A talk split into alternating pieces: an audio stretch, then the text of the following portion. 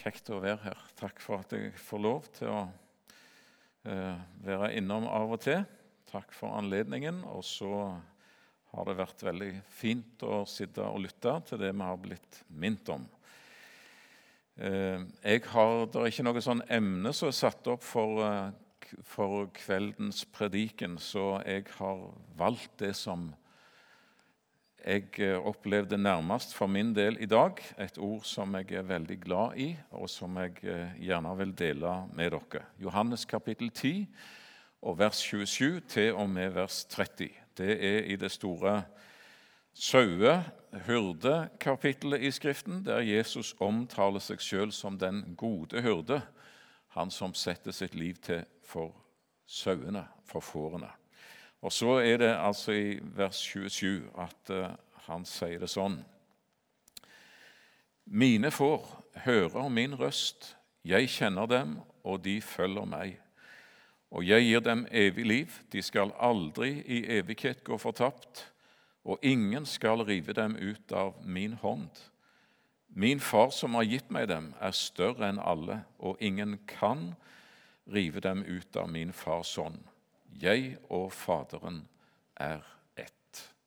Det er Jesu ord. Herre Jesus, takk for at eh, vi får komme i sammen òg i kveld. Takk for at eh, du er til stede. Takk for det vi har blitt minnet om.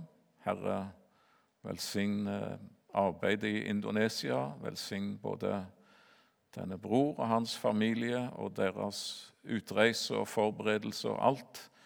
Herre, la din gode vilje skje, og da de får oppleve fine, gode ting, at de får være vitner for deg, eh, og at, eh, at det lykkes, Jesus. Det ber vi om for oss alle, at vi kunne få være vitner i vår hverdag der vi er, og der du har satt oss. Herre, vil du òg legge din velsignelse til denne kvelden og det som vi skal prøve å snakker om. Vi ber om det i ditt navn, Jesus. Kom med ditt rike og skje din vilje. Amen. Ja, som sagt, det er det store hyrde- og sauekapitlet i Skriften. dette her. Det er jo et emne som vi møter mange plasser, men, eh, men her ikke minst. Og når jeg eh, eh, hører fra dette kapitlet, da hender det at jeg spoler tilbake til når jeg begynte å reise som predikant.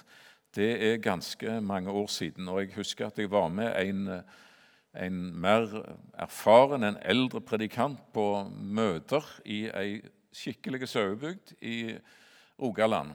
Og Der hadde han en tekst fra dette kapitlet. og han, eh, han eh, sa en del om sauene som ikke var veldig fordelaktig. Det husker jeg. Og Jeg husker at han brukte uttrykket om å være dum som en sau. Og jeg fornemmer faktisk en, en slags eh, motstand nesten i, i, deler av forsamlingen, iallfall under preika. Eh, en fornemmelse. Og når møtet eller var over, da var det en hel delegasjon av sauebønder som kom fram for å si predikanten et, et alvorsord. Det var ikke noe ikke noe lunsjestemning i det hele tatt. Det foregikk eh, vennlig og sivilisert der på, i Bjerkreim, der det var. Men, eh, men, han fikk klar eh, adresse at, at sauer er ikke dumme. Jeg husker det var En som sa det at du kan si 'dum som en stut', men du må ikke si 'dum som en sau'. Og Der så jeg som, eller sto som ung forkynner på sida og tenkte at nå lærer jeg noe i kveld. Skal aldri snakke stygt om sau på eh, noe møte, så det skal jeg prøve å unngå òg i kveld. Men eh, jeg tror en vanlig, normale sau Hvis du tenker den vanlige sauerasen Det er noe forskjell på raser. Den er et ganske hjelpeløst og forsvarsløst dyr. Og når eh, David Salme 23 han skriver at 'Herren er min hyrde, jeg skal ikke, mangle noen ting'. Og Vi vet at David forteller eh, i en annen sammenheng at eh, han var rede som hyrde til å beskytte sine sauer både mot løver og mot bjørn. For eh, det var en del rovdyr i det gamle Israel. Det var både løver og bjørn, som David snakket om. Han hadde stifta nærkontakt med. Og det var ulv og rev og villhunder og ymse greier. Og så står det òg om ty tyven her i dette kapittelet, som er ute etter sauene. Og da har ikke en sau så mye å stille opp med. Den mangler liksom de eh, fortrinn som andre byttedyr kan ha. Ikke er den veldig lett på foten og kjapp og kan flykte unna rovdyra. Ikke har den horn å beskytte seg med, som en del dyr ellers har. Ikke har han klør eller skarpe tenner. Ikke er han en kenguru, så han kan svare med en skikkelig knockout, for det er de visst flinke til. Ikke, ikke er han en kameleon, eller har den egenskapen som en kameleon har til å skifte farge og gå i ett med omgivelsene. Og det er noen dyr som er i stand til å blåse seg opp. Noen typer frosk f.eks. som er i stand til å blåse seg opp når de er i, i fare, sånn at de blir uhåndterlige for angriperen. Og Skunken vet vi hva eh, kan gjøre for å gjøre seg uspiselige. Ingenting av dette eller andre egenskaper har sauen. Så den er hjelpeløs, forsvarsløs, mot den brølende løva som det står om i Skriften, som er på jakt mot ulveflokken. Så en sau, et lam, kan godt komme til å tenke som så at jeg kommer aldri til å ha evig liv eller nå fram til til dette. Jeg, jeg, jeg, kommer til å gå fortapt for all evighet, og jeg kommer til å bli revet ut av, eh, av Guds rike. For jeg kan ikke beskytte meg sjøl, og jeg er svak, og jeg er omgitt av fiender, og de er alle større og sterkere enn meg. Da er det veldig godt å lese dette trøsteordet, at eh, de skal aldri i evighet fortapt og ingen skal rive dem ut av min hånd. Jesus er den gode hyrde i vers 11 som setter sitt liv til for fårene. Han presenterer seg sjøl òg i vers 7 som døren til fårene. Og I vers 9 så sier han 'Jeg er døren'. For i det gamle Israel så var det sånn at når hyrden eh, leda sin saueflokk inn i denne innhegningen med murer. Da var det ikke noen dør i utgangspunktet inn til denne sauekveen. Det som skjedde, det var at hyrden sjøl gikk og la seg, hadde nattevakt i døra. Så han var den levende dør. Og disse rovdyr eller fiender som var rundt omkring, de måtte altså forbi den levende døra om de skulle inn til sauene. Derfor er det en veldig betryggelse også i dette kapittelet og, altså at han står mellom rovdyra og sauen. Mellom fienden og det hjelpeløse land. Der har Herren sjøl plassert seg, og han sier det at eh, han er ikke sånn som leiekaren, som ikke eier eh, sauene. Han som forlater fårene og stikker av når han ser ulven komme. Sånn er ikke den gode hyrde, han som er døren. Han stikker ikke av når ulveflokken sirkler omkring der ute, og ulvehyla lyder. Hvorfor gjør han ikke det? Jo, fordi han har omsorg, står der i vers 13, for fårene. Han elsker han elsker deg. Er du klar over det? Eh, den enkelte Er det noe som er, er vanskelig eh, for veldig mange, så er det å tro det at jeg er faktisk elska av Gud. Han er glad i meg, ikke fordi en har, eh, egenskaper eller noe sånt, men det er altså mennesket han søker. Og det er flott. Eh, når David i Salme 23 snakker om dette at 'Herren er min hyrde, og det mangler meg ingenting', eh, og snakker om grønne enger og hvilens vann, og så er det ikke bare sånn livet er. Han, eh, han snakker også om dødsskyggens dal, der han òg kan vandre. Og så er det ganske underlig å lese at du dekker bord for meg, like for mine fienders øyne. Midt i dødsskyggens dal, omgitt av ulveflokken, om du vil, av fiendene, der eh, den brølende løve lusker omkring. Der har Herren dekka et bord eh, for sine. Og han, eh, han står sjøl personlig imellom rovdyra fienden og sine. Er ikke det litt naivt, David, når du sier det i salmen at 'jeg skal bli forfulgt'? Hele mitt liv skal jeg bli forfulgt. Eh, og da er, ikke, da er det ikke fienden han snakker om, men jeg skal bli Alle mitt livs dager så skal jeg bli etterjaget, forfulgt av et tvillingpar der den ene tvillingen heter godhet, og den andre heter miskunnhet. Det betyr ikke at livet var problemfritt. Det kan du lese ut av Davids liv. Han hadde mye å stri med, og han, en del av det var faktisk sjøl forskyldt. Han hadde mange, mange fiender. Og Likevel så kan David si at midt oppi alt, i de prøvelser og vanskeligheter og byrder som jeg har å bære, så er jeg likevel forfulgt av Herrens godhet og Hans miskunnhet. Den står mellom meg og ulveflokken. Så er det en enorm trygghet i dette, både i Salme 23 og i, i eh, Johannes kapittel 10 nettopp i dette faktum at Herren er min hurde.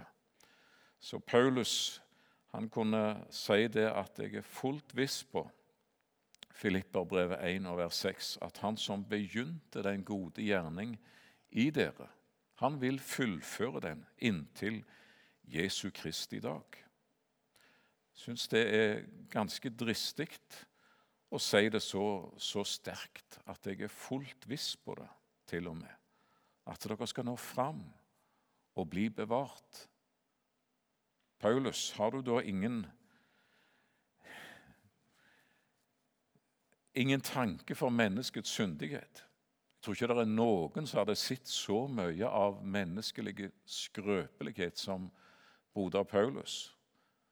Han visste det. Han så det hos seg sjøl, står det en del om i Skriften. Så han visste noe om det. Men det var heller ingen som hadde sett så stort og vidt og bredt i, i frelsens storhet og rikdom som Paulus.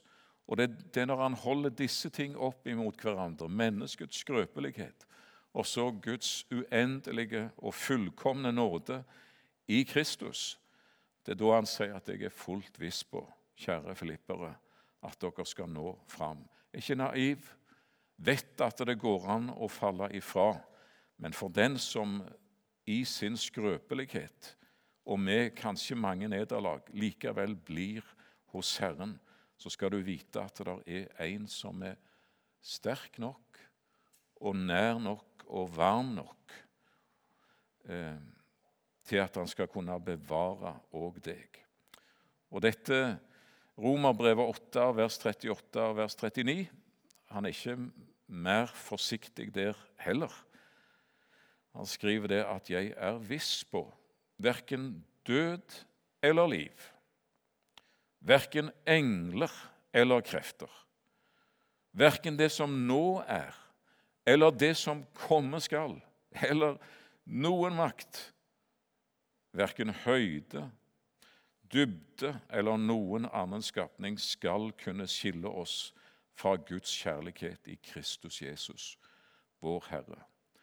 Det var tøffe tider i Rom, og det gikk bare kanskje fire-fem år før eh, den store forfølgelsen eh, eh, raste løs der i Rom. Sånn at det, det er ganske underlig, syns jeg. Det slo meg når jeg leste romerbrevet og det siste kapittelet og leste denne lange lista der Paulus helser mennesker i Rom. Og så tenkte jeg det var sikkert ikke mange av disse som unnslapp martyriet i år 64, når den gale Nero eh, slapp løs all sin galskap og ondskap og, og forfulgte de troende han kunne få tak i. og Korsfesta de til nagler, til kors, og smørte de inn med bek og tjære og tente på så de skulle både lyse som fakler, og andre ble sydd inn i, i dyrehuder.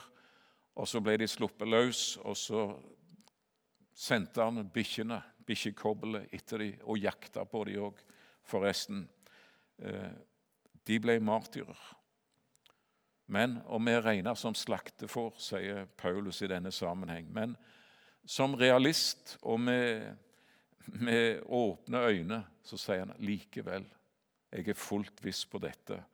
Det ender med seier. Og ingen kan skille oss ifra Kristi kjærlighet.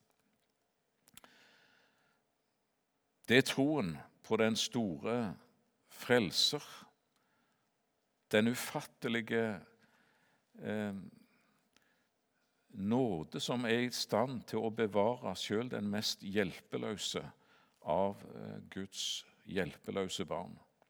Og Jeg syns det er et, eh, et, fantastisk løfte, vers 28, som vi leste der i Johannes 10. Ingen skal rive dem ut av min hånd.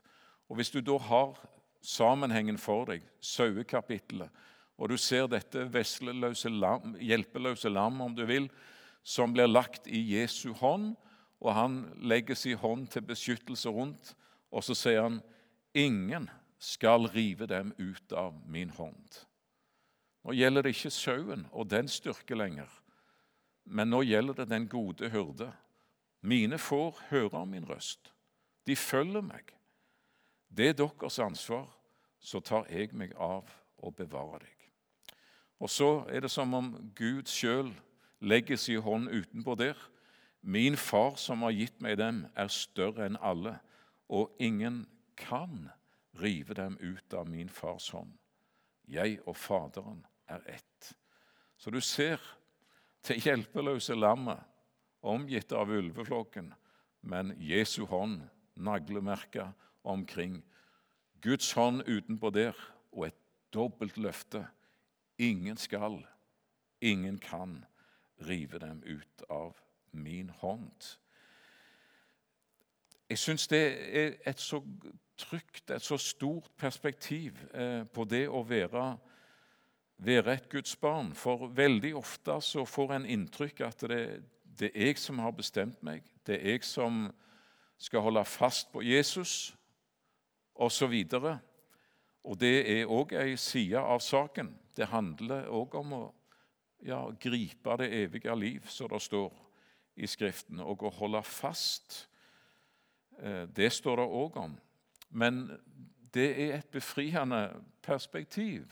Det er ikke noen motsetning, men hovedperspektivet det er jo det som Paulus sier i Filipperbrevet 3, når han sier at 'jeg selv er grepet av Kristus Jesus'.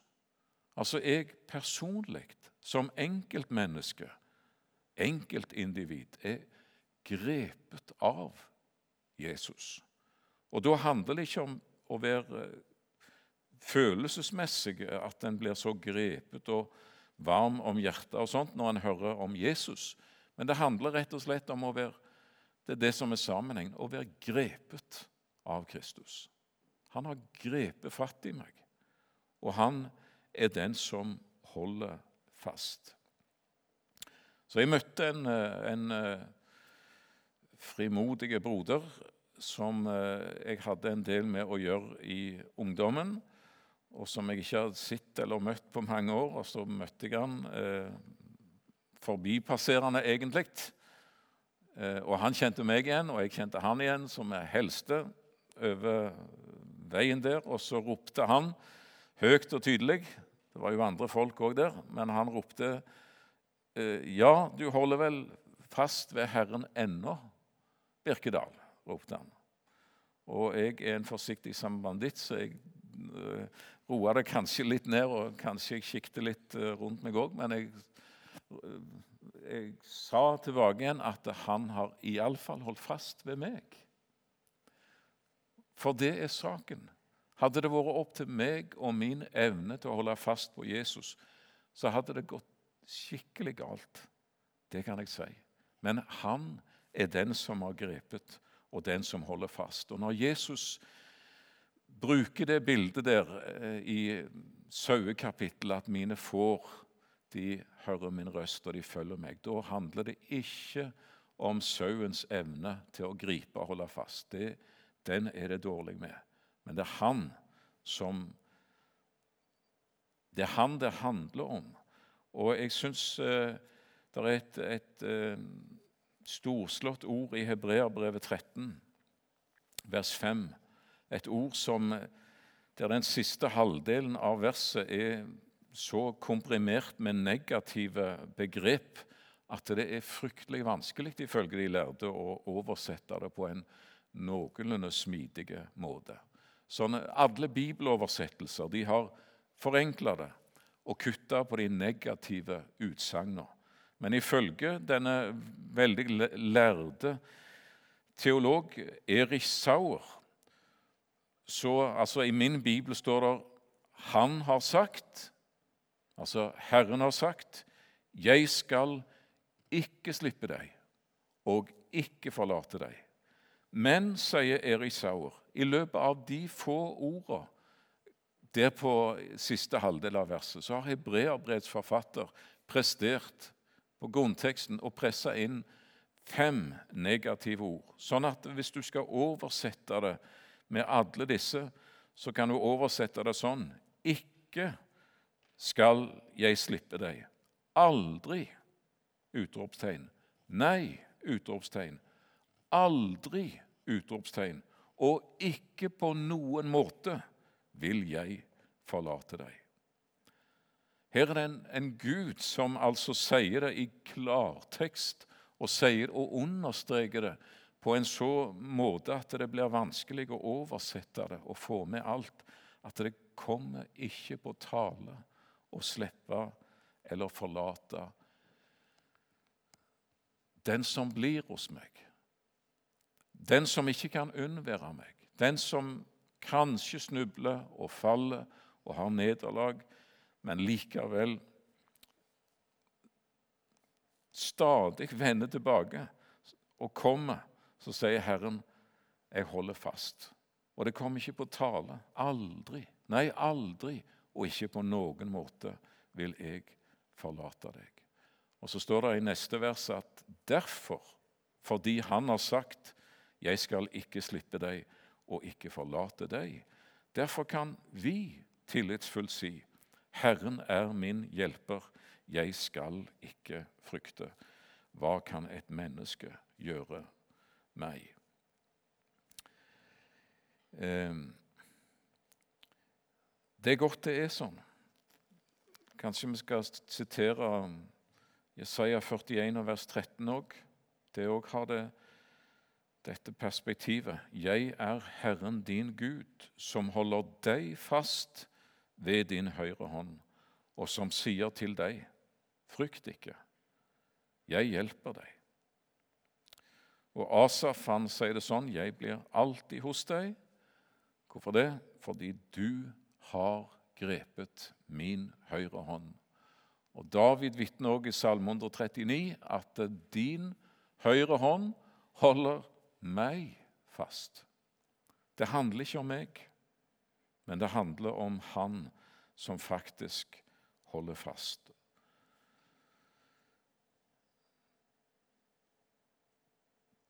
Det trenger du. Det trenger du i tøffe tider. Og jeg syns det var veldig fint. Jeg eh, var på møter en plass og leste ei bok av en eh, dansk forkynner som fortalte ifra sitt liv. Og han fortalte om når hans mor lå på dødsleiet og kom inn i veldig stor, stort mørke, store tvil om hun virkelig var frelst, om hun noen gang hadde vært det. Og når folk i forsamlingen hørte det, så så hadde de veldig omsorg for denne, denne fine, troende søster.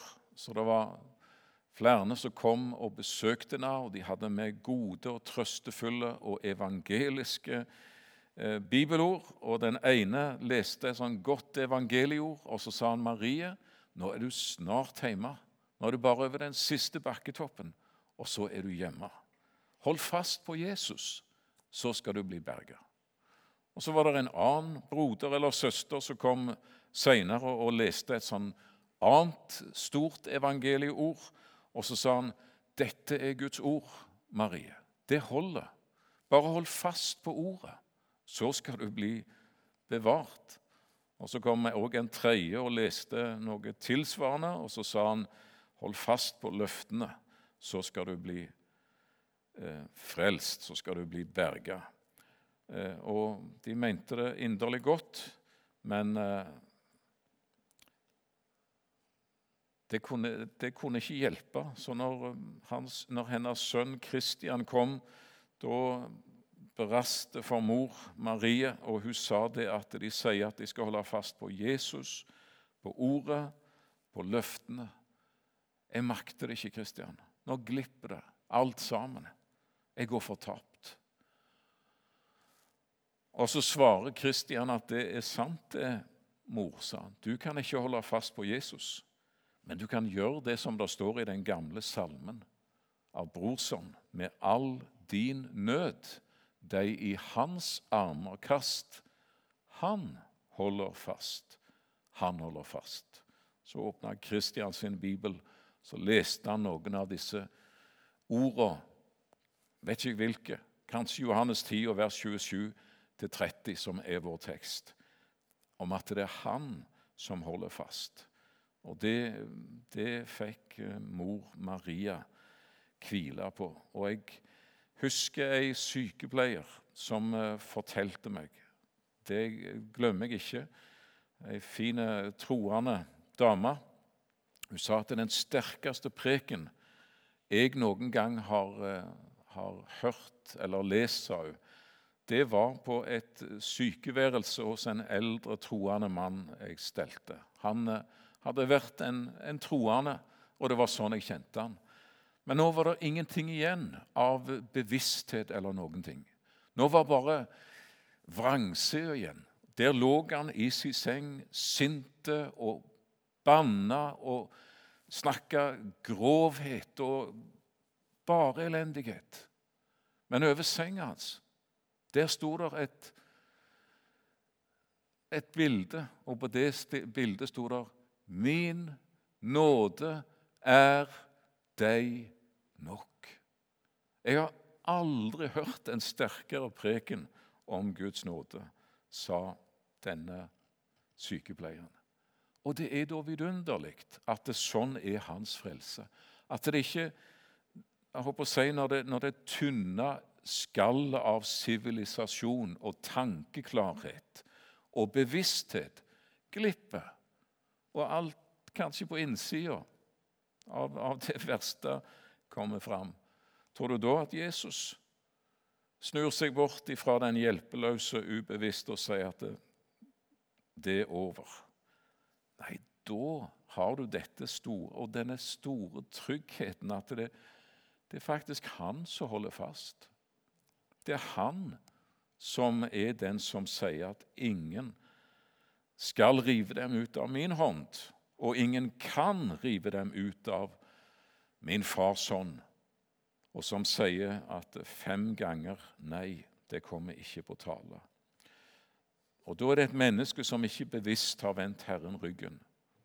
Men vrangsida, den, eh, den har vi alle sammen, ifølge Skriften. Les Markus 7, vers 21-23 f.eks., så skal du se. Det er godt det er en frelse som er stor nok. Og det er godt at det er Jesus det handler om. Jeg skal slutte med å fortelle Det syns jeg òg var veldig fint. Jeg leste i Asbjørn Aavik si andagsbok 'Vandring', der han forteller i en av andaktene om den store vekkelsen i Kina. Og Da er vi tilbake igjen i 1932, når dette skjedde.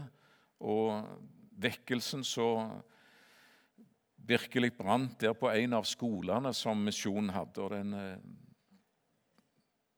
Rektoren var kinesisk, og han var en troende mann, og han levde veldig med i denne vekkelsen. Så om kveldene så var det møter og sang og vitnesbyrd. og Det tok eh, lang tid, og det var mye nød og mye glede. Og det var sterke følelser, og det var mange ungdommer som ga seg over til Gud. Og Så forteller Asbjørn at en kveld når det var flere unge som hadde gitt seg over til Herren, da går den troende rektor fram, og så henvender han seg til de nyfrelste. Og så sier han at nå har dere grepet fatt i redningstauet. Så Han brukte det bildet at det som et redningstau som er senka ned ifra himmelen og til frelse for mennesker. Og nå har dere grepet fatt i det. Nå gjelder det bare at dere holder fast på redningstauet. Det sa rektoren, og elevene de nikka alvorlig. De forsto hva han mente, at, at, det gjelder å følge Jesus og, og ha ja, ingen vei tilbake igjen. Og Så rusla rektoren hjem Eh, etter det møtet og hadde en litt uggen følelse av at det var, det var noe som ikke helt stemte. Og når han lå, og, lå, i sin seng og sov den natta, da drømte rektoren. For det hender visst at eh, rektorer òg gjør. Og han drømte at han så himmelen åpne seg, og han så ei hånd som senka seg ned ifra himmelen, naglemerka og senke seg ned til skolen hans og hans elever. Og så ser rektoren i denne drømmen at de som i går søkte frelse, de gikk om bord i den hånda. Og så ble han løfta opp igjennom. Da våkna rektoren. Og når, han, eh, når det var skoledagen etterpå, så skyndte han seg av gårde, og han samla hele elevflokken. og Det var ikke matte eller eh, noe annet. Men han sa jeg sa feil i går. For jeg sa at eh, dere har grepet fatt i redningstauet, og nå må dere holde fast. Men i natt hadde jeg en drøm. Og så fortalte han om den hånda der de hadde gått om bord. Og så så han, og så forteller Aarvik det at elevene de de strålte når han fortalte om dette. Kristendom er ikke å klamre seg fast. Det er ikke det det handler om, men det handler om å få lov til å være i den gode hyrdes hånd. Mine får høre min røst. Jeg kjenner dem, og de følger meg. Det er ditt og mitt ansvar, det å høre og å følge så tar jeg meg av bøllene, sier Jesus. Tar jeg meg av ulveflokken. Jeg gir dem evig liv. De skal aldri i evighet gå fortapt. 1. ingen skal rive dem ut av min hånd. To, min far som har gitt meg dem, er større enn alle, og ingen kan rive dem ut av min fars hånd.